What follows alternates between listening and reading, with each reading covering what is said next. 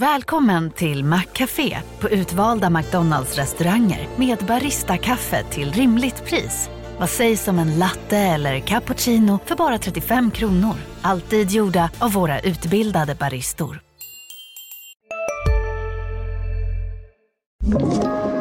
Podplay. Det är måndag, det är slutspelstider, det är kvaltider och vi går in i den bästa veckan i Sanny och Svensson-världen när vi nu kommer köra två poddar per vecka. Vi börjar med Måndagspodden i vanlig ordning. Vi har kommit fram till avsnitt nummer 102 och vad associerar folk till 102 Sanny? Sveriges bästa center genom tiderna. Thomas Bulan Berglund gjorde 102 mål i världens vackraste förening till och med. Och Pavel Rosa, Chris Abbott och Cam Abbott spelade faktiskt bara 102 matcher tillsammans för Rögle Bäckar som spelare. Erik Burman gjorde Sveriges första OS-mål genom tiderna för 102 år sedan. 8-0 mot Belgien. Vilken motståndare, Belgien. Peter Forsberg gjorde 102 poäng på 39 matcher i J20-serien när han spelade där som 16-åring. Ligans snabbaste spelare Joakim Nygård står på totalt 102 grundseriemål i SHL. Lina Wester har spelat sammanlagt 102 landskamper för Damkronorna. Antal poäng som Törnberg, Davidsson, Voutilainen gjorde tillsammans i slutspel som ledde till guld för HV 2008 och 2010. 102 poäng på 33 slutspelsmatcher. Imponerande. Ja, den där gillar jag, den där spaningen. Och sen har vi tre svenskar som genom tiderna har gått som nummer 102 i NHL-draften. Faktiskt alla tre från HV71. Johan Halvarsson, David Ullström och Stefan Liv. 102 kilo muskler, Martin Lauman Ylven, a.k.a. Lauman Bingo!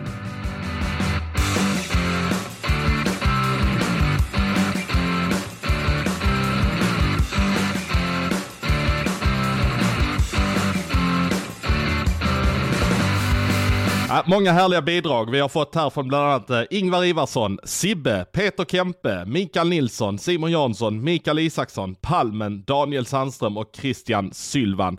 Ja, det är härligt att ni verkligen engagerar er, men nu går vi på det som drog igång under helgen och på Hovet var du på plats när Djurgården förlorade mot Timrå och man får väl säga det att Timrå vann den matchen helt rättvist.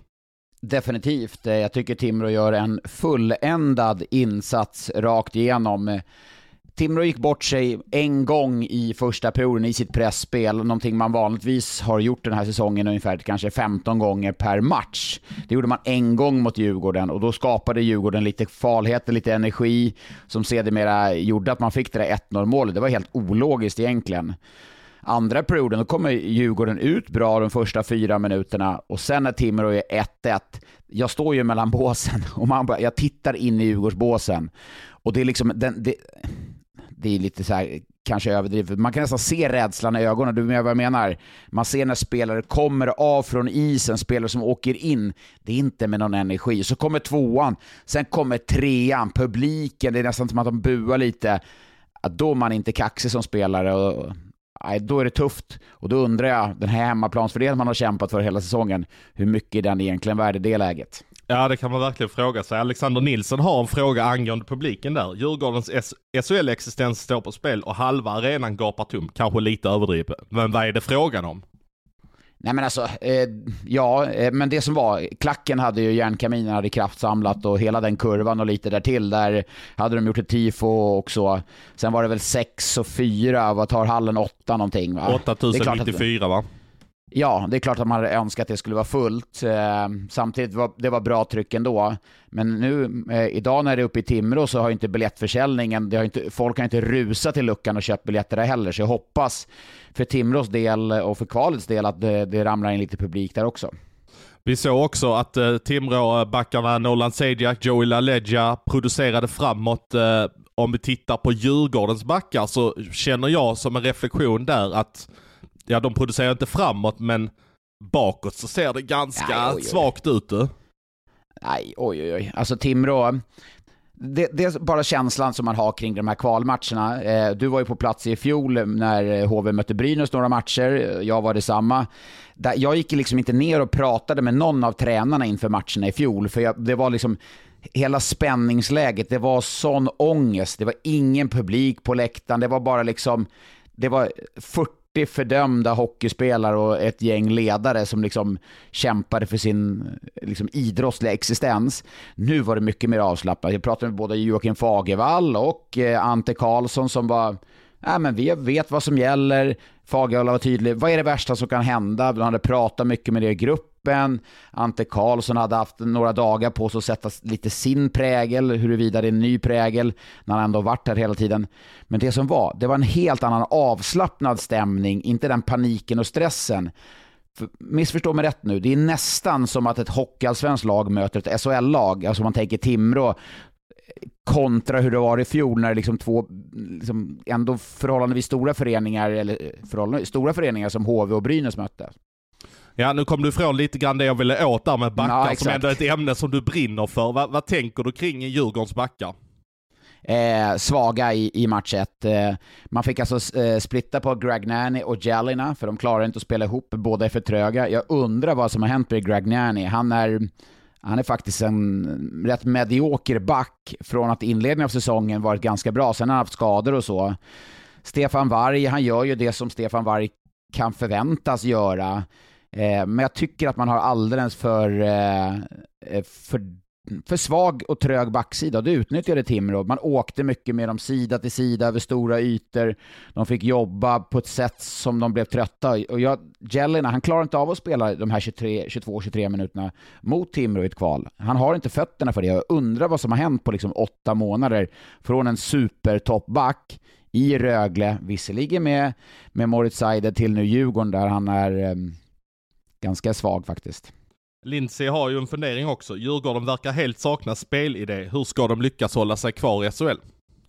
Jag tror inte vi ska dra för stora växlar av en match, en kvalmatch. Eh, jag tycker inte att Djurgården på slutet har saknat en spelidé. Jag tycker att det har varit kompakt spelet. Nu har man visserligen förlorat lite på eh, liksom upploppet på, på serien där efter Malmö-matchen bland annat, eh, när, det, när det stod klart att man tvingas kvala.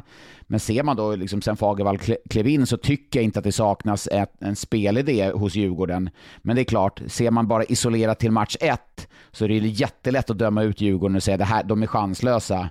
Men jag, jag drar mig gärna från att göra det för jag vet hur otroligt snabbt det kan svänga i den här typen av matcher och så. Men det är klart att match två i Timrå ikväll Alltså där är ju, ja där måste man ju vinna liksom.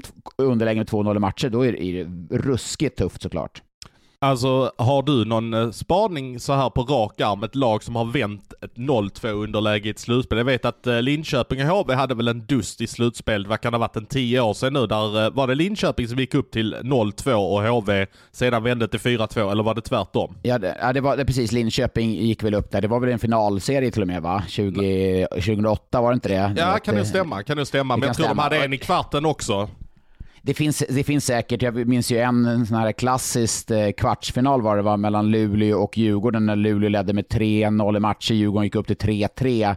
Så det är klart att det går, men i ett kval så här när det liksom det är så otroligt mycket som står på spel i form av mentala eh, känslor och allt det där att hantera, då är 2-0 underläge då är det skarpt. Eh, men jag, jag, tror att definitivt att Djurgården kan studsa tillbaka, men då måste man sätta stopp i för Timrås spelvändningar, någonting man inte lyckades med i match 1. Sen fick ju Djurgården göra mål i powerplay också. Förvisso, vad var det, någon minut kvar där och tom kasse. Men eh, då fick ju Sam eh, sig en, då fick han veta att de kan minsann producera i powerplay. Vet ni vad Djurgården hade för procent de sista tio matcherna i powerplay? Inför idag? 3,3 procent. Det måste vara det sämsta ett lag någonsin har satt upp, ärligt talat. Ja, jag, jag satt och kollade på den här presskonferensen efter efter Färjestad mot Växjö. För, ja, men ibland är det, eh, snappar man upp någonting och helt plötsligt bara, från, från ingenstans, från ingenstans plockar Hallam upp den där om Djurgårdens powerplay. Ja, var, det, var det AIK-hjärtat som kom fram där hos honom eller? Jag vet, jag vet inte om det var liksom, han skulle liksom backa upp Mitell lite angående deras powerplay och, och, och liksom nästan hoppade in om Djurgårdens powerplay. Jag vet inte vad det var riktigt, men eh, jag fick mig ett gott skratt. Men nu fick Djurgården göra mål i powerplay där, även om det var betydelselöst för matchen, så fick man ändå göra ett, ett förhållandevis enkelt mål och lite... Det kan ju vara någonting att bygga vidare på. Jag vet i de här matcherna. Så det lilla, lilla man kan bygga vidare på, det måste man ta. Är det så, eller är det bara en klyscha man säger? Nej, nej definitivt inte, utan det, man tittar på de positiva sakerna. Garanterat att Fagervall, när han mötte upp laget på söndag, så visar han positiva klipp. Sä säkert en åtta positiva och två negativa liksom i den 80-20 då i visade här måste vi göra bättre, men visade åtta liksom positiva klipp för att trycka på att det här, vi gör saker bra, vi gör saker bra. Titta på de fyra första minuterna i andra perioden. Han skulle kunna rulla hela de fyra första minuterna i, i, i andra perioden, ursäkta, och bara så här kan Djurgården spela, då kommer vi kunna vinna.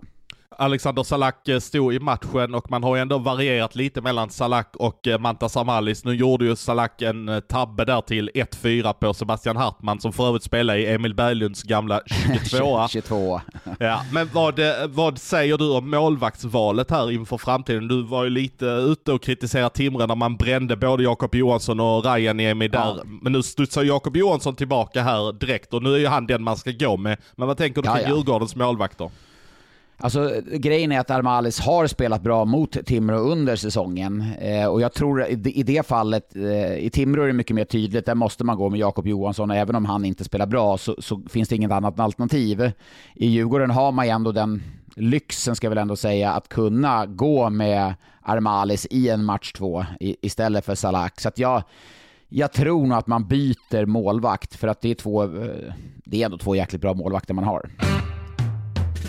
Grundserien avslutades ju i veckan i SHL och det var ganska rafflande där får man säga mellan framförallt Linköping och Brynäs. Jag tänkte ju när jag såg de första perioderna spelas att Linköping, eller Brynäs gick upp till 4-0 mot Leksand och Oskarshamn, lekte hem det där mot Djurgården, men sen blev det jämnare och jämnare. Linköping ledde ju ett tag i Göteborg, de hade 1-1 och så tappade de där i slutet. Eh, om vi börjar med Linköping där då. Vi dömde ut dem rätt ordentligt förra veckan och jag var i Linköping i tisdags i förra veckan och eh, jag fick mig ett väldigt gott skratt när eh, Claes Östman bjöd till ordentligt. Claes, vad säger du om era chanser att ta er till en eh, åttondelsfinal? Lyssna på podden i måndag, så de är ju små va. Så att vi, men vi är glada att vi fortsätter att överraska. Eh, vi ska göra vårt bästa i Göteborg. Eh, jag har hört att det är en tuff match som ska bli svår att vinna och det kommer det bli också. Så att vi siktar på att försöka överraska eh, på torsdag. Ni löste det idag i alla fall, trots att vi dömde ut det där. Ja, det tackar vi för. ja, det, får, det får en ju att, att gilla en sån som Östman ändå, att man har ändå glimten i, i, i ögat i det läget. Och så är vi ju såklart glada på att han lyssnar på podden. Ja men verkligen, och han eh, har ju tagit del av den här klassiska Sanny Svensson-effekten som, eh, som finns också, att när vi dömer ut någon så blir det precis tvärtom. Men nu blev det ju inget slutspel för Linköping och jag kan ju tycka att det är lite synd ändå att de inte, jag hade velat se vad de eh, gick för i slutspelet. Bara för att du gillar Östman, bara för att du gillar Östman nu eller? Såklart. Eller för att du vet att han så... lyssnar på podden? Nej men såklart, såklart. Nå, alltså det är frågan om, alltså, om de hade spurtat sig in, hade de haft mer att ge i en matchserie mot eh, Örebro? Uppenbart eh. hade de med tanke på hur det såg ut i tisdags, för Örebro var så dåliga mot Linköping i tisdags. Ja, det var de. Eh, absolut. Och du var ju på plats på den matchen eh, eh, såklart. Men eh, det är svårt att spekulera kring. Men det är klart att man hade på något sätt unnat Linköping eh, en slutspelsplats. Och det betyder inte att jag un inte unnar eh, Brynäs det på något sätt. Absolut inte. Men eh, Linköping måste ju återigen ta ett omtag och sist, sist man gjorde någon form av satsning, då var det väl Olle Palve och Marcus Ljung och Ojamäki bland annat man tog in och det, bortsett från Ljung så var det inte så lyckat. Nej, så är det. Men nu eh, har väl eh, Roger Ekström, ordförande i föreningen, gått ut och flaggat i lokaltidningen Korren att man ska satsa lite mer och slänga in lite mer pengar i budgeten. Linus ja, det, var ingen lite, alltså det var ingen liten satsning, han skulle ha in en helt ny femma. Nej, alltså det lät så... som att en första femma ungefär. Ja, nej men verkligen. Eh, det, och det, det tror jag är vad Linköping behöver för att det, det blir inget djup på grejerna för att det, allting står ändå och faller med Brock Little och Marcus Ljung och sen har man haft lite flyt, tycker jag i alla fall, att Patrick Russell har gjort så många mål som han ändå har gjort. Jag tycker eh, Patrick Russell är en tredje lina brunkare som ska smälla in tio mål en bra säsong. Jag, jag tycker inte riktigt han är den spetsen och Henrik Törnqvist är för han är ju för ojämn skulle jag säga, så att det är ju helt rätt att man satsar på det. Sen så ska det ju landa rätt också så att man inte får en Ojamäki som inte riktigt passar in eller en Gibbons eller en Maxwell som, som inte levererar. Nu har ju Gibbons varit skadad, men han har inte levererat när han har spelat heller. Så man måste ju träffa rätt på de där toppvärvningarna. Och det blir intressant att se nu när man får in Peter Jakobsson som var inne på förra veckan och då eh, Pajen Persson som kan stöta och blöta tillsammans på ett annat sätt. Det är klart att dubbla hockeykompetenser borde ju borga för att man gör en mindre misstag, så tillvida det var misstag att värva Ojamäki och Palve då. Exakt, och ett lag som också har spelat klart för säsongen är ju Malmö som till slut inte orkade hela vägen fram till slutspel. Man, luften gick väl kanske lite ur när man hade säkrat sin existens i SHL. Mogge Krimson har en fråga. Redox har inte så många platser öppna att fylla inför nästa säsong. Vad talar emot att man kommer få slåss för att undvika playout? Ja, alltså de, om sanningen ska fram så var det ju ändå ett lag som många trodde skulle skulle gå till slutspel den här säsongen, eh, som underpresterade stora delar av säsongen. Eh, får man då fortsatt eh, bygga vidare med Thomas Kollar, Händemark, eh, den Söderberg. Det är klart att det, det är ett lag som borde kunna ta steg. Marmelin kan ta steg, Alsenfelt kommer förmodligen kunna vara bättre och mer skadefri nästa år. Så att bara för att man var i playout, eh, eller missade playout den här säsongen, eller play-in missade man, och man missade visserligen playout också, även om det är inget att missa, eh, så tror jag ändå att man kommer kunna vara bättre nästa år, absolut. Och jag tror också att eh, man kommer tänka lite annorlunda kring de platserna man ska fylla i truppen också. Att det inte blir lite samma som det alltid har varit. Det är de här stora, starka spelarna. Man kommer försöka hitta lite yngre spelare, lite hungrigare spelare som kan bryta lite mönster. Att man försöker hitta, ja nu är, alltså att hitta en Verino är ju svårt, men man, man ska försöka hitta andra spelartyper som kan vara lite mer offensiva och inte bara brunka på så att säga.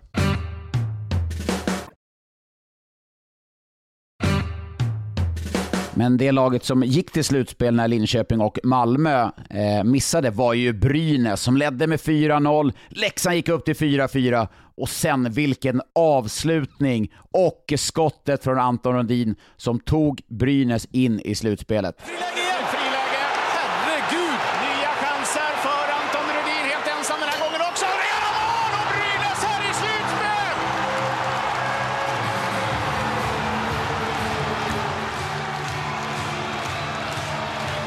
Ja, det blev en hård match där och nu eh, torskar man ju första åttondelen med 2-7 hemma mot Örebro och eh, man, alltså jag tror inte att man reder ut det med två eh, bortamatcher mot Örebro. Jag, jag, tror faktiskt man ryker redan ikväll här mot eh, Örebro som ändå blev lite besvikna av att de fick gå in i åttondelsfinal så att de vill försöka städa av det så fort som möjligt så att man får någon dags vila innan kvartsfinalerna sätter igång.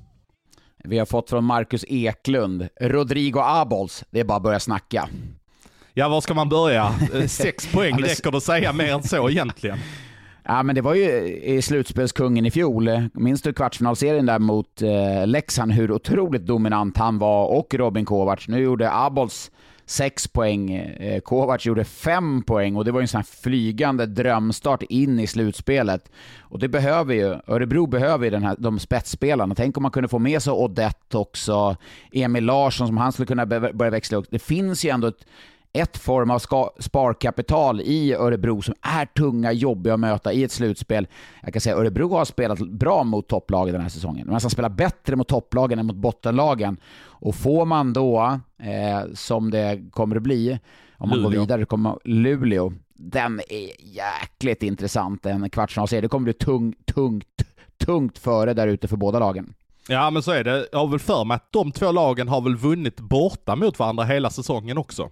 Det, det, jag har inte den faktan framför mig. Jag vet att Luleå var uppe, eller Örebro var uppe och vann någon match där, men det, det, det, kan, bli en, det kan bli en jäkla, jäkla bra match. Det ska också bli intressant att se Leksand, kan de studsa tillbaka mot Oskarshamn också ikväll då efter Oskarshamn vann premiären, eller slutspelspremiären för deras del. Det var ju på något sätt varmt i hjärtat när de fick göra det. Jag, ingenting emot Leksand, absolut inte. Men det är någonstans vackert med Oskarshamn som går in i sitt första slutspel, får vinna ändå på ett relativt övertygande sätt på hemmaplan. Den assisterande tränartjänsten är redan tillsatt i Oskarshamn så du behöver inte försöka söka den här nu. Vem var det? Johan Nogren. Han får ju sitta kvar i disciplinnämnden istället, så tar jag det jobbet. Såg du reportaget när jag var nere och gjorde med Oskarshamn där med Martin Jag har faktiskt inte sett det, men jag, jag, jag, ska göra det. Men jag har hört att du gjorde ett väldigt starkt intryck på många. Nej, det, det vet jag inte riktigt. Men det var jättekul och det är bara belysa det jobbet som läggs ner. Jag tror inte folk förstår. Jag vet hockey, det är liksom en liten hockeybubbla. Det är ju en liten del i en stor värld, en världslig sak i många eh, aspekter kan jag tycka ibland.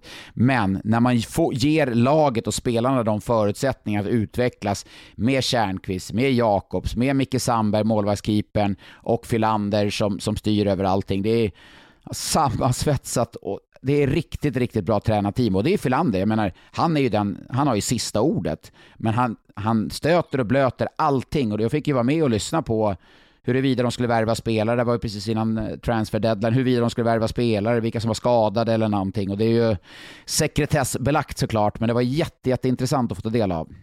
En sak som har stått klart sedan länge är ju att de kommer tappa Fredrik Olofsson, Kim Rosdahl, Brian Cooper som kommer gå till SHL-konkurrenter. Fredrik Olofsson har varit ganska öppen med att han ändå söker ett eh, NHL-kontrakt och där har jag väl fått lite nyheter att bjuda på eh, gällande var Fredrik Olofsson väntas ta vägen om han hamnar i NHL. För jag hörde... Får gissa? Får gissa? Ja, gissa på. Men är det inte... Så här, Tampa, nej. Skulle det kunna vara Pittsburgh kanske? Skulle kunna vara, men eh, det är inte Pittsburgh. Uh, I alla fall inte vad jag hör. Jag hör att han uh, ska in i Dallas som det ser ut och att mm -hmm. han mhm. ska ha fått ett envägsavtal uh, där. Oj, ja det är ju det är bara att gratulera Olofsson om så är fallet. Det är bara att ta emot för de där envägskontrakten. Det finns ju massa olika regler och kriterier för att få dem där, men det, det delar man inte ut till spelare som man inte tror på. Och när man får ett envägskontrakt så är det mer eller mindre att du ska spela ur laget, du ska inte spela in i laget. Det är liksom den signalen man skickar. Vad har du för koll på Dallas eh, roster för nästa säsong? Egentligen rätt dålig faktiskt. Jag vet att de har eh, några, några finnar, alltså, de gick ju i slutspelet för något år sedan och hade Rope Hintz bland annat. Och, alltså, men alldeles för dålig koll för att, för att uh, värdera huruvida han tar en plats där, om han ska gå center eller ytter. Så att, tyvärr lite för dålig koll, men det misstänker att han och hans uh, agenter eh, placerar honom istället där han ska kunna ta en plats såklart. Det är säkert Per Johansson som, eh, som jobbar för Dallas här i Europa som har eh, sett honom säkert på väldigt nära håll många gånger under säsongen. Han är väl boende i Jönköping tror jag, så han har väl säkert tagit bilen ut till östkusten många gånger där. Så är det ju. Eh, det är klart att man, om någon jobbar nära och ser en spelare mycket, givetvis blir det, blir det så. Men återgående till Oskarshamn där, vinner mot Leksand och ett Leksand som är ja, de, är ju, de är helt ur form. Nu vill jag bara ställa allt på sin spets. Jag ställer allting på sin spets. Det här är ju Leksands lag som vi kan anta är ett av seriens dyraste lag, eller? Det är bara mellan tummen och pekfinger så borde det rimligtvis vara ett där. Ett av de fem dyraste lagen kan jag lätt säga ja. att de är. Och man har ju inte presterat som ett av de fem bästa lagen, det säger ju tabellen och framförallt då den senaste tidens form. Hade det här varit Leksand för fyra år sedan, hade Björn Hellkvist suttit så säkert efter säsongen tror du?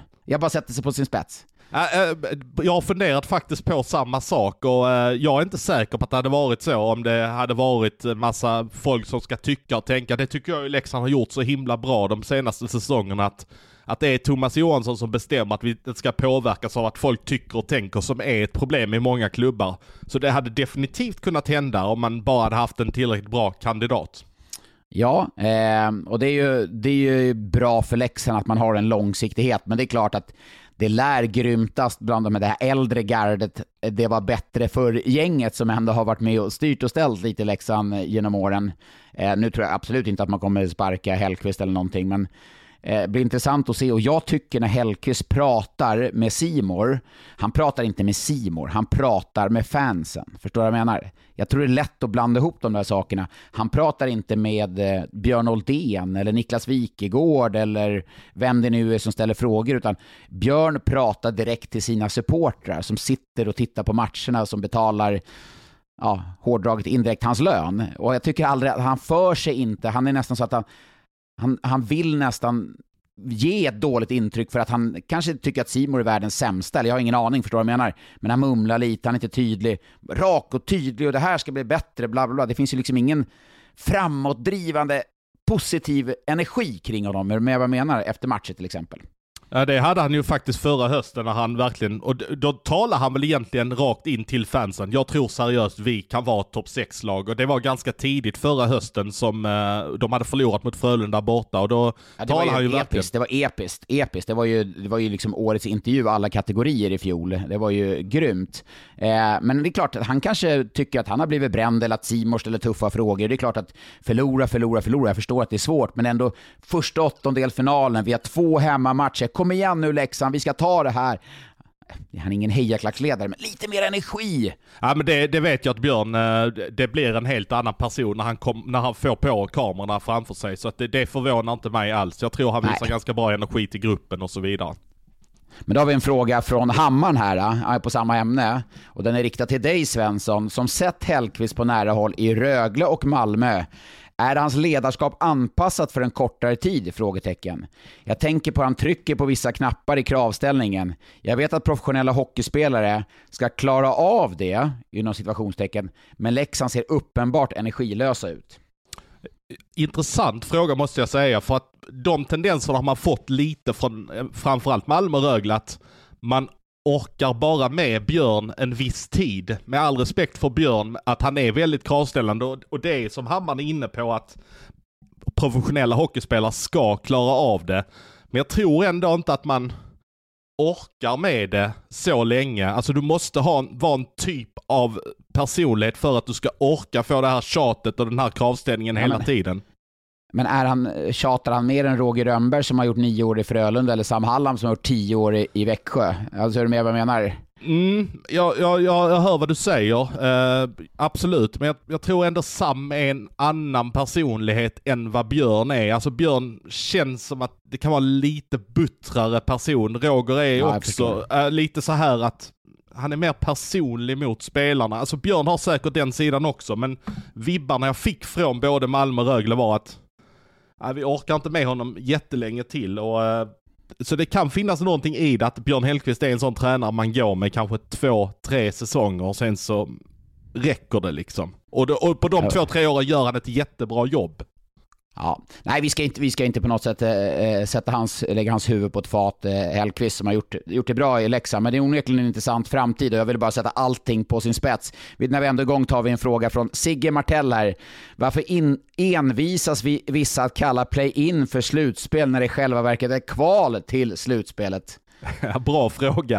Eh, det, är väl, det är väl SHL som har bestämt att det ska kallas för åttondelsfinaler, men Ja, jag ser det ju också som ett rent kval in till slutspelet och sen kommer de väl i bästa fall eh, gå till en semifinal, men eh, det där är ju, alltså det känns inte så mycket slutspel över det. För alltså, man har ändå sett många sådana här play-in matcher eller åttondelsfinaler som det heter genom åren och har liksom inte, ja Oskarshamn det var ju eh, häftigt för att det var första gången de ändå gick in i ett slutspel. Men man har sett ändå i Gävle och eh, Luleå och Malmö och Örebro och andra ställen som har haft de här matcherna att det har liksom inte varit så fett från publiken. Det är först när kvartsfinalerna börjar som det blir på riktigt när de stora tunga korten går in i slutspelet. Men du, jag, eh, vi möttes väl mer eller mindre i luften. Jag flög hem från Luleå eh, i onsdags och du flög upp till Luleå. Och där fick du bevittna, då var jag avundsjuk på. Du fick bevittna ett klubbrekord från Linus Omark i slutskedet. Han hade ju när han lirade fram Linus Fröberg och Marmelin gjorde en sån här makalöst härlig bra räddning i slutskedet av matchen då han kunde ta det där klubbrekordet. Men det gjorde han senare när han satte öppen bur. Var det bra tryck? Vi har hyllat mållåten i Delfinen. Var det bra tryck där då? Ja, det var riktigt bra tryck och eh, det var verkligen som att alla verkligen bara gratulerade honom när, eh, när han fick sätta det. Det kändes som det betydde någonting för honom också. Jag pratade lite med honom om det efter matchen också, att eh, han kanske inte hade tänkt på det tidigare, men när det väl började närma sig och han, han visste exakt när han gick in i matchen vad det var som behövde hända och så levererade han det och så fick han då sätta den med 20 sekunder kvar. Det, blev, det var ju det största måljublet har du också valt att bli egen? Då är det viktigt att skaffa en bra företagsförsäkring. Hos oss är alla småföretag stora och inga frågor för små. Swedeas företagsförsäkring är anpassad för mindre företag och täcker även sånt som din hemförsäkring inte täcker. Gå in på swedea.se företag och jämför själv. Hej, Synoptik här.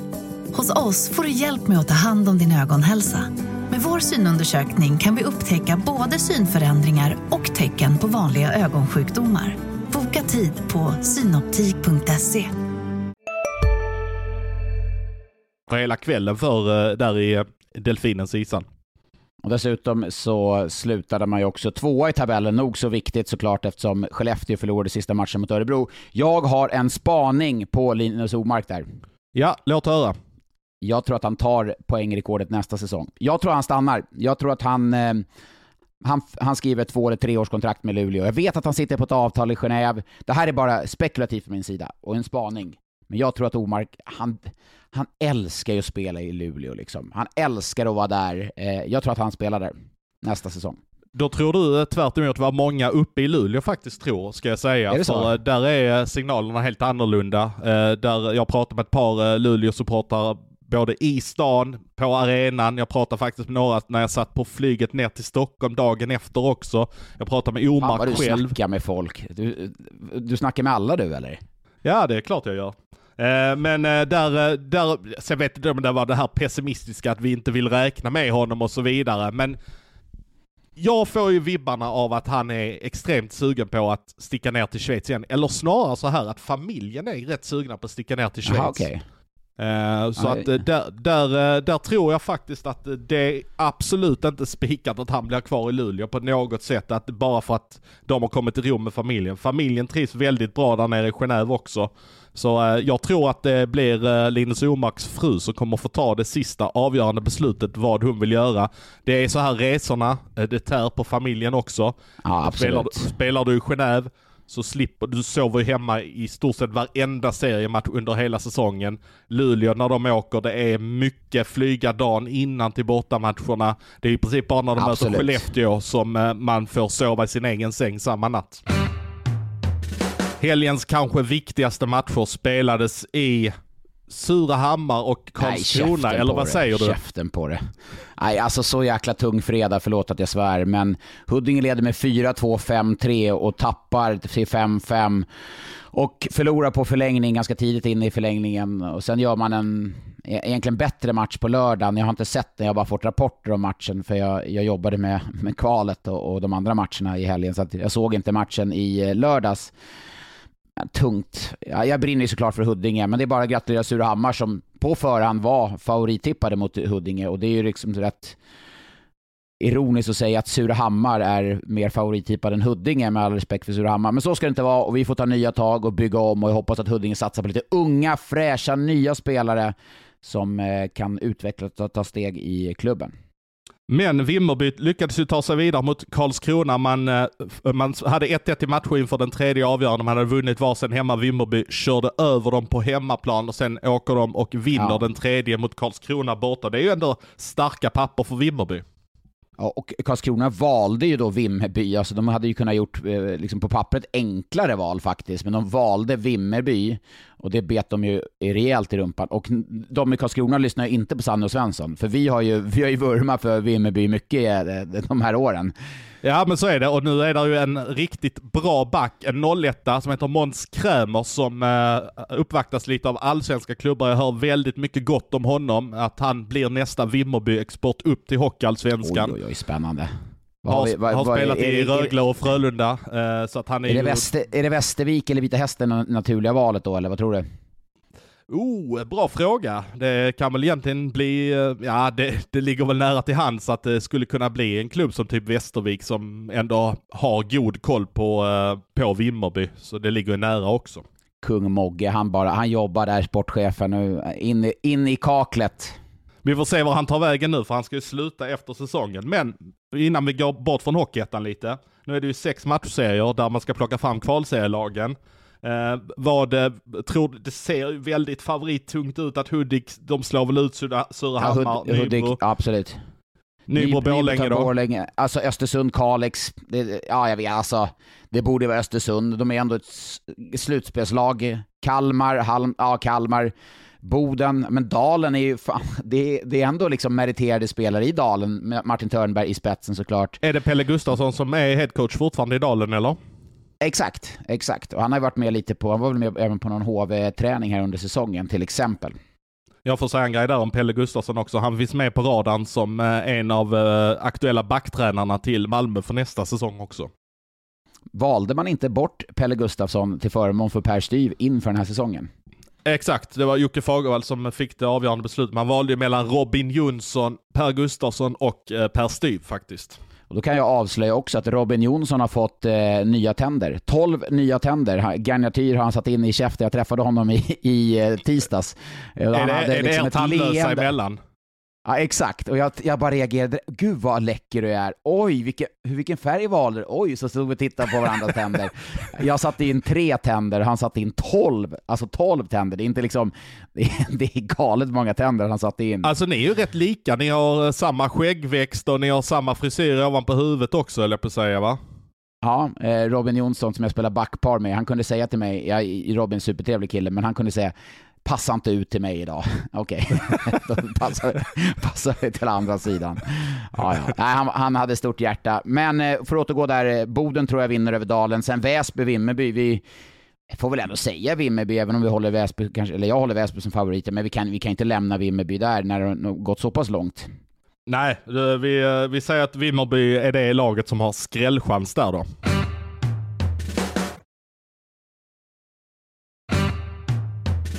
Det är dramatik i Hockeyallsvenska kvalet neråt. Eh, då reducerade Troja Ljungby till eh, 2-3 i matcher på bortaplan dessutom. Eh, och nu har man ju ändå skaffat sig ett litet skönt läge och busat till det lite för favoriten Södertälje.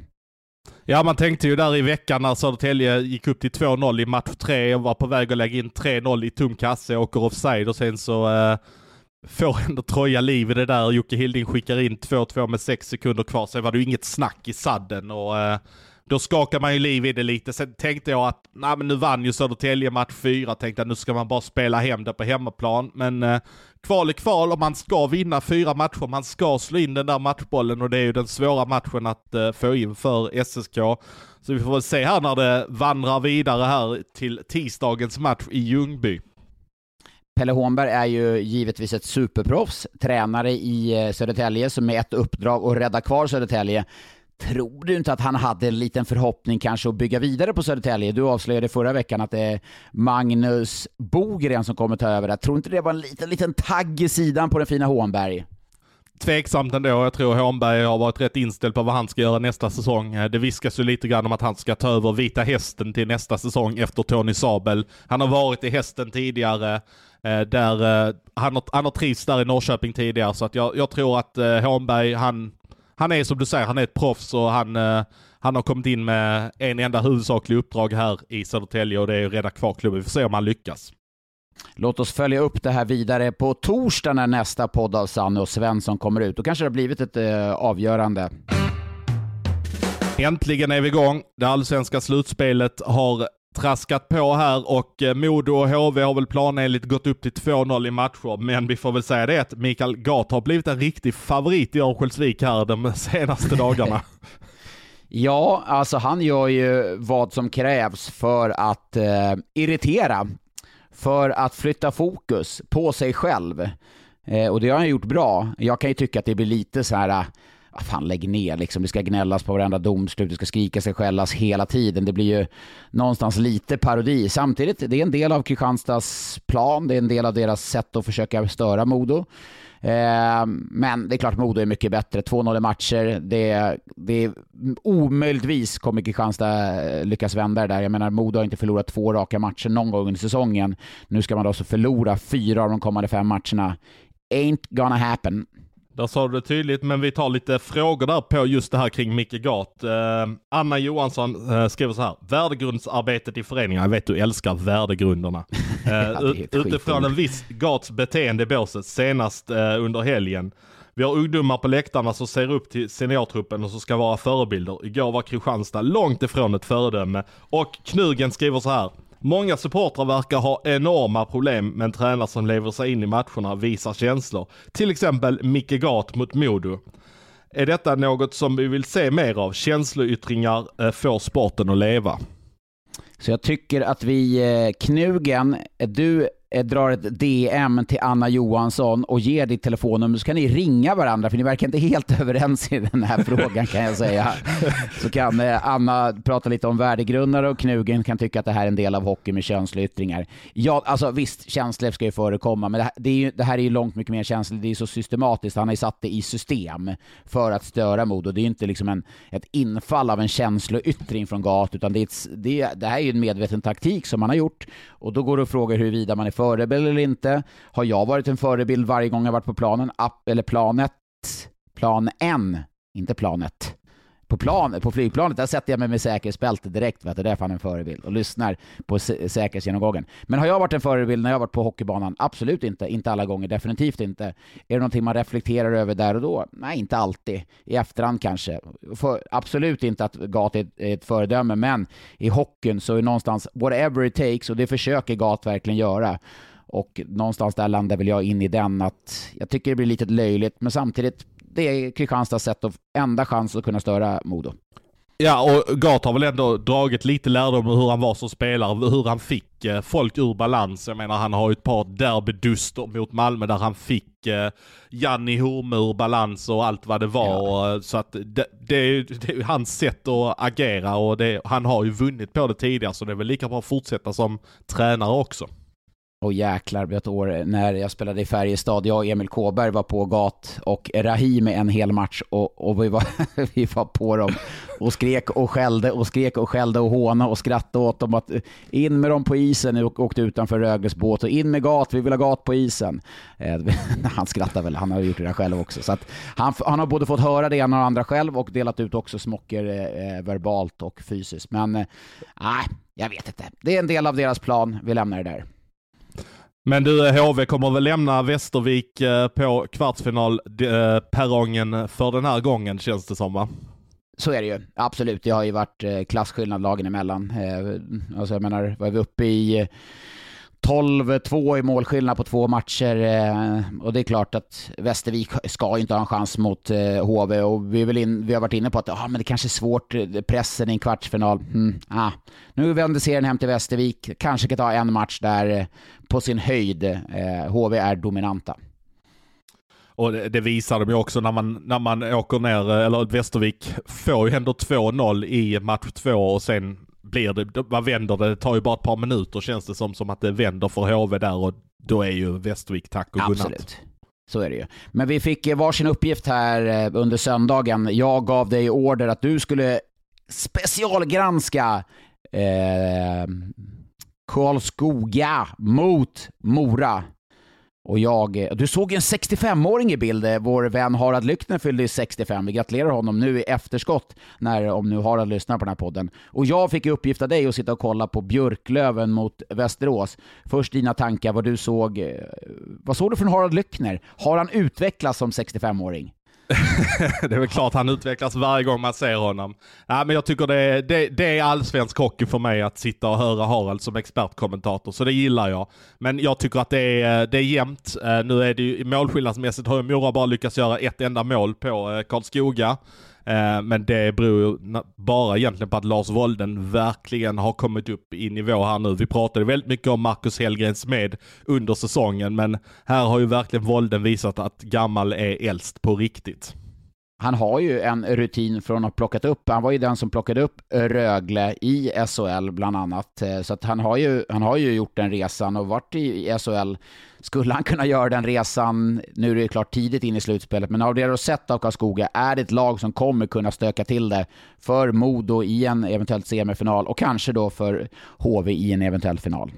Ja, alltså det är inte helt omöjligt. Alltså tittar man på laget så, alltså, jag menar, har en fjärde kedja där Sebastian Kollberg spelar, som, alltså de har ju ändå en ganska bra bredd i truppen. Men nu är Viktor Lennartsson nere som trettonde forward och när han kommer in, alltså det känns som de har köpt in på sina roller väldigt bra. Viktor Lennartsson vill ju säkert vara en spelförande spelare som, eh, som spelar hockey. Nu har väl han tagit en roll där han ska vara en, en igel i ögat på motståndarna lite och Henrik Larsson har kommit tillbaka på backen nu. Han får inte spela hur powerplay. Hur såg, hur såg han ut då när han var tillbaka?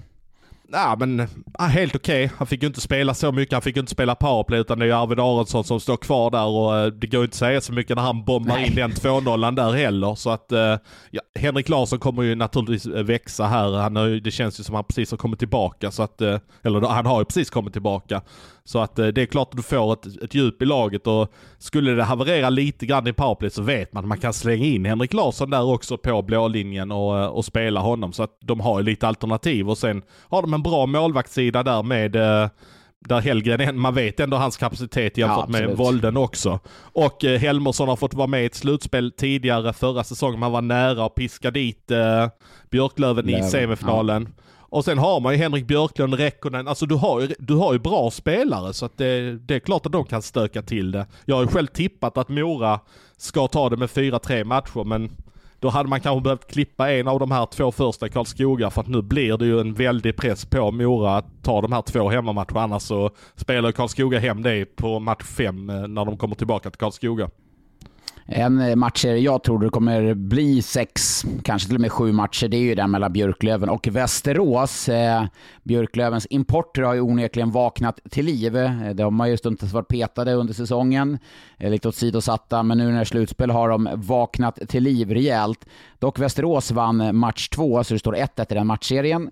Eh, och då tycker jag att Västerås, de hade nog pratat inför matchen att minimera misstagen, spela enklare och, och liksom rejälare. Jag gillar det jag såg av Västerås. Det var en tight, det var en fysisk, det var kamp. Går den matchserien till sju, det laget som tar sig vidare därifrån, det kommer vara rejält tröttkört. Så jag tänker att HV71, de sitter och gnuggar händerna lite nu och att de här fortsätter att liksom trycka på, pumpa på varandra. Eh, om det är de som man ska välja i en eh, semifinal. Men Västerås var ju ändå, alltså även om siffrorna sprang iväg i den första matchen där mellan dem så var det ju helt jämnt egentligen fram till att Björklöven stack iväg upp till ledning där. Ja, ser man på förväntade mål, expected goals, så är det inte så stor skillnad lagen emellan i, i första matchen där. Det är det absolut inte. Men alltså att jag, alltså, jag gillar det jag ser av Västerås ändå. Jag, jag tycker att det finns det finns ju en spets, det finns ju en uppsida hos många spelare. Eh, August Thornberg, som du en, en avslöjade tidigare förra veckan, att skulle till Färjestad. Jag var lite så här, oj, tveksam. Spelar stabilt ändå efter sina förutsättningar. Gunnarsson tycker jag ändå har lyft sig. Fryklund är bra, Zetterberg, alltså det finns ju Wikman, den, här, den typen av spelare. De är, jag, menar, jag, jag gillar ändå det jag ser från Västerås. Jag tycker att det, det är bra. Eh, och nu har man ändå nypt en match i Umeå. Det var väl garanterat det man åkte upp med målsättning att två matcher, vi ska ta med oss en seger hem till Västerås. Och det lyckades man göra, det är imponerande. Och sen är det väl en annan reflektion också som man kan väga in här att Johan Gustafsson kan ju egentligen vara tillbaka i mål när som helst. Nu har Ryttar fått stå de första två matcherna här. Jag tror man undvek att ta upp Gustafsson överhuvudtaget till Umeå för att man kanske skulle forma honom till att ta de här två hemmamatcherna nu. Eh, det, jag tyckte jag fick de signalerna från Thomas Pannanen efter intervjun i den första matchen att det var rätt positivt med Johan Gustafsson. Och Johan Gustafsson är ju ändå en vinnare i slutspelssammanhang så att där har du ytterligare en pusselbit som väger in för Västerås del på ett väldigt positivt sätt. Ja, och så tycker jag att en sån som Anton Svensson, inte bara för att han gjorde mål och så, men ser ändå bättre ut än vad han gjorde i eh, stundtals under grundserien. Så att, ja, det där är en matchserie jag ser fram emot att följa. Det kan ju bli lite i den nivån som vi såg mellan Björklöven och Karlskoga i fjol. Eh, det var ju matcher eh, som stack ut. Jag skulle inte förvåna mig om det kommer bli det. Vi kommer prata om den serien på ett liknande sätt kommande avsnitt också. Vi tar lite från eh, frågelådan också som har kommit in. Björn Holmgren har en fråga. Om ni fått bestämma helt fritt bland alla Sveriges lag, vilket lag hade ni flyttat upp till SHL om ni hade chansen? Från Trelleborg till Kiruna alltså. Ja, usch. ja det finns ju så jäkla många starka klubbar i, eh, i Hockeyallsvenskan till exempel. Men det är klart att HV71, jag gjorde, kommenterade HV71 Modo tidigare under säsongen och det var ju sån här flashback. Det var ju så här, varför spelar inte båda de här lagen i, i SHL? Björklöven är ett sånt också, även om det var länge sedan man var där så är det en klubb som engagerar. Det hade varit kul att få upp Björklöven och Skellefteå, den, kunna få den, det mötet i SHL. Det är jättesvårt, Södertälje, AIK, det finns så otroligt många klubbar. Men ska jag säga en så får jag väl ändå säga HV71 som eh, under min tid eh, när jag spelade så var det en maktfaktor i svensk hockey. Så jag får väl säga HV71 där, även om det kanske är lite tråkigt val. Ja, eh, ja, mitt val är väl kanske också ganska tråkigt. Jag hade ju velat ta upp Björklöven. Jag tycker det finns ett så jäkla intresse och sug i Umeå. Eh, och de har kämpat på länge här nu så jag tycker att de är eh, någonstans är de faktiskt värda att få, uh, få komma upp här. Uh, plus att Umeå är mycket lättare att ta sig till än till exempel Övik och sådana ställen. Så att uh, Umeå, jag tycker det är en stor stad och ett jäkla drag i stan. Så att de, de hade jag velat se upp i SHL. Det är ju 20 år sedan de spelade i SHL nu, Björklöven. Vår trogna lyssnare Henrik Andersson har en fråga. Naturligtvis är det Färjestads tema när vi kommer till Henrik Anderssons fråga. Vad tror ni om August Thornberg och Axel Bergqvist i Färjestad nästa säsong? Och tror ni att Lennström kommer att stanna? Sedan Teddan kommit in i FBK har han verkligen stabiliserat upp försvaret.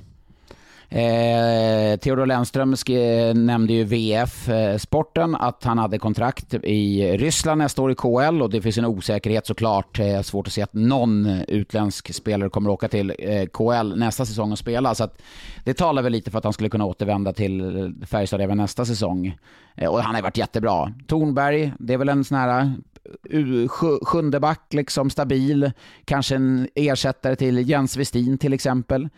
Eh, fördel att han är högerskytt, writer också såklart. Eh, Axel Bergqvist har jag pratat med, lyfte fram honom inför säsongen i fjol som en av de här mest spännande värvningarna när han plockades Karlskoga. Och har varit ännu bättre i år, så han ska ersätta Albert Johansson. Så det ska bli... Det är en bra värvning Färjestad har gjort, Axel Bergqvist definitivt. Man har ju bara Joel Nyström som räknar i truppen eh, utöver då August Thornberg. Du som ändå har spelat back och du har du spelat med Robin Jonsson sa du tidigare. Hur, hur viktigt är det att ha alternativen högerskytt och vänsterskytt i en backbesättning skulle du säga? Nu pratar vi inte bara i powerplay. Nej, men det, jag tycker att det är jätteviktigt. För när du är vänsterback och har klubban, och du är vänsterskytt och har du klubban utåt banan, när du tar upp pucken i uppspelsfasen till exempel, du, kan, du blir inte lika låst på samma sätt när du är vänsterback som eh, leftare. Att du åker ut mot sargen, du har ändå blicken uppåt eh, och kan du lätt spela tillbaka pucken till en rightare som har bladet inåt när han får den. Så att jag uppskattade att spela med en rightare till exempel som Anton Strålman som jag spelade med i Timrå till exempel. Eh, så så det är ju jag tycker att det är en fördel när du har en eh, leftare och rightare. Det optimala vore ju om alla backpar hade en rightare och en leftare. Det tror jag att det, det skriver nog alla under på. Sen är det inte lätt att hitta, och hitta den dynamiken, men för mig är det den bästa kombinationen, absolut. En fråga från Sebastian Sörbringer här. Jag inbillar mig bara att vi tycker olika den här frågan, så jag tar den. Föredrar du kladdig kladdkaka eller torr kladdkaka? Men det, det, är väl inte ens en fråga? Det är väl alla, alla äter väl kladdig kladdkaka? jag tycker faktiskt att torr kladdkaka är gott. Nej, vad skämtar du? Va? jag visste att vi skulle tycka olika, jag visste det. Ja, men vadå, vadå det, då, kladdkaka, det, det heter väl kladdkaka av en anledning? Ja, men den ska ju inte rinna ju. Nej, men det ska inte den ska ju vara kladdig. Ja, kladdig ska den väl kanske vara, men inte så kladdig som jag tror att du vill att den ska vara. Du har ju grädden för så... att liksom eh, kladda till det lite. Men det ska ju vara så eh, kladdigt så att jag sätter mig på tåget på, eh, på Stockholms central och sen när jag kommer fram till Slundsvall så ska jag slicka mig lite på mustaschen och känna där hade jag lite kvar alltså. Så kladdig ska den vara. Vi tar en sista också från frågelådan. Sonny C. Skulle du kunna tänka dig att ta ett sportchefsjobb? Jag antar att den frågan är riktad till dig och inte till mig. Eh, nej, absolut inte. Eh, nej, det, alltså vilket jobb. Eh, du, du, du, är aldrig nöjd, du är aldrig glad. Du har värvat en spelare, du är glad några minuter, sen ska du spela match, du har vunnit, sen ska du fokusera på nästa match, tabellen, det är liksom hela tiden en oro. Jag tror att den oron och ängslan skulle inte väga upp för tillfredsställelsen över att vinna. Eh, i, I alla fall här nu eh, när jag är i livet, i mitt liv. Så att, eh, nej, jag jag säger nej till den frågan tills vidare. Men tror du att det är en speciell typ av människor som, som blir tränare och sportchefer? För att jag har gjort en liten spaning, i alla fall när det gäller tränare i eh, SHL och Hockeyallsvenskan, att det är ju inte de riktigt stora stjärnorna från, som hockeyspelare som är tränare framförallt. Jörgen Jönsson kommer väl vara den mest meriterade spelaren som är tränare nästa säsong. Annars är, handlar det ju ändå om Martin Filander, Roger Rönnberg, Sam Hallam, Claes Östman, Thomas Kollar, alltså det är ju inte de jättemeriterade spelarna som, som, eh, som blir tränare. Tror du att det är någon speciell människotyp som saknar någonting som spelare som gör att du vill ha ett driv som tränare? Jag tror att ibland många av de här allra skickligaste spelarna, det ska bli intressant att se Jörgen Jönsson som headcoach, det har han aldrig varit, men många av de skickligaste spelarna, det kom liksom så naturligt och enkelt för dem, då behövde de inte fundera. Jaha, men vadå, det var ju bara att lägga en flippass det är väl inga problem. Jaha, okej, okay, men så går ju inte att spela. De här kanske som, som har fått kämpa, som har fått gnugga, som har fått se spelet okej, den spelaren gör så, då måste jag agera så, för jag är inte tillräckligt snabb eller jag är inte tillräckligt skicklig. De kanske utvecklar ett tänk på ett annat sätt som kanske talar. Sen finns det ju undantag också. Thomas Bulan Berglund hade en framgångsrik karriär, bland annat. Eh, och du har också Niklas Eriksson i Örebro, för att nämna eh, två exempel. Niklas Eriksson tog ju trots allt ett OS-guld också en gång i tiden. Han och Jörgen Jönsson var ju med i 94-laget ju. Ja, då var det tävlingsdags. Du får välja, vill du ha en spelare, hockeyperson, årtal eller en klubb? Ja, men alltså jag, gillar, jag gillar ju hockeypersonlighet. Eh, den, den nyper jag. Då tar vi en hockeypersonlighet. På fem poäng. Han har axelbredd som en Passat. Passat? Pass. Axelbredd. Nej. Äh, nej, nej, nej, nej. Fortsätt. Ja, då tar vi fyra poäng. Just nu irriterar han en hel stad, en hel klubb och en och annan lokaltidningskrönikör deluxe. Nej, inte kan det vara så lätt. Nej, nu, nu försöker du lura mig in i ett hörn här. Nej. Nej. Nej, då kör vi på tre då. Han spelar 107 elitseriematcher, samtliga för Rögle BK. Skämtar du? Nej. Jag, jag, då, jag kunde jag tagit den på fyran ju. Ja. Jag trodde du skulle lura varför mig. Varför gjorde ja, du inte det då? Ja, men för jag är fegis. Jag är jäkla fegis. Jag skriver ner mitt svar här. Ja. På två poäng. Denna profilstarka tränare har varit assisterande tränare i Rögle, men de fyra senaste säsongerna har han varit tränare i Hockeyallsvenskan. Och jag ska sjunga lite här på ettan också från Stella Nilssons gamla Rögle-låt. Han har axelbredd som en Passat. Hans namn är Micke. Gott. Okej, okay. Exakt. det där är... Ja, det där axelbredden, ja det är okej. Okay. Ja, men jag tänkte, jag försökte shoulder, axel, ja jag försökte hitta någonting där. Ja, men fyra var ju fegt, för han Jag trodde du kunde ju... dina Rögle-låtar. För vårt RBK, för vårt RBK, för vårt RBK. Det är den jag kan. Men nu kanske ni alla sitter och tänker, ska de inte prata om Rögles kvartsfinal, Luleås kvartsfinal, Färjestad mot Skellefteå och Frölunda mot Växjö. Lugn, bara lugn. Vi är tillbaka igen på torsdag med det hetaste och det bästa. Då kommer vi självklart prata upp förutsättningarna och förväntningarna på alla kvartsfinaler och följa upp eh, diverse kvalspel och givetvis också Hockeyallsvenskans slutspel. Och där får vi säga det också att när det gäller torsdagsavsnitten så kommer de komma någon gång på torsdag förmiddag skulle jag väl säga. För det här har vi ju skämt bort folk att eh, de eh, får eh, måndagsavsnitten direkt i lurarna klockan 4-5 på morgonen. Men där kommer de dyka upp runt 10 på förmiddagen skulle vi väl kunna säga. Det är lite så här, det är bara lite lyxigt att få torsdagsavsnitt, lite mulligt sådär att gå och lyssna på. Så att jag hoppas att ni uppskattar att vi kör två dagar i veckan och eh, får vi tacka våra chefer och dig Svensson som skötte förhandlingarna med vår chef Kalle Forsell. Tack Kalle, tack Johan Svensson. Ja, och tack Johan som är vår klippare för att du också ställer upp en gång till i veckan och klipper till oss. Vi får se till så att vår poddchef Joakim Rydström ser till så han får en riktigt fin vetelängd eller en marsipantårta eller liknande här eh, när säsongen är slut. Men underbart att vi är igång med veckan. Mycket härlig hockey fram, framöver. Häng med oss på Expressen, på Simor, allting. Så hörs vi igen på torsdag förmiddag. Ha det så bra. Hej då. Hej hej.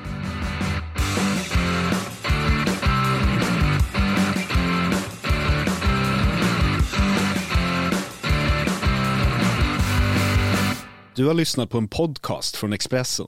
Ansvarig utgivare Klas Granström. Hej, Susanne Axel här. När du gör som jag och listar dig på en av Krys vårdcentraler får du en fast läkarkontakt som kan din sjukdomshistoria. Du får träffa erfarna specialister, tillgång till lättakuten och så kan du chatta med vårdpersonalen. Så gör ditt viktigaste val idag, lista dig hos Kry. Ni är med om det största. Och det största är den minsta. Ni minns de första ögonblicken. Och den där blicken gör er starkare. Så starka att ni är ömtåliga. Men hittar trygghet i Sveriges populäraste barnförsäkring. Trygg Hansa. Trygghet för livet.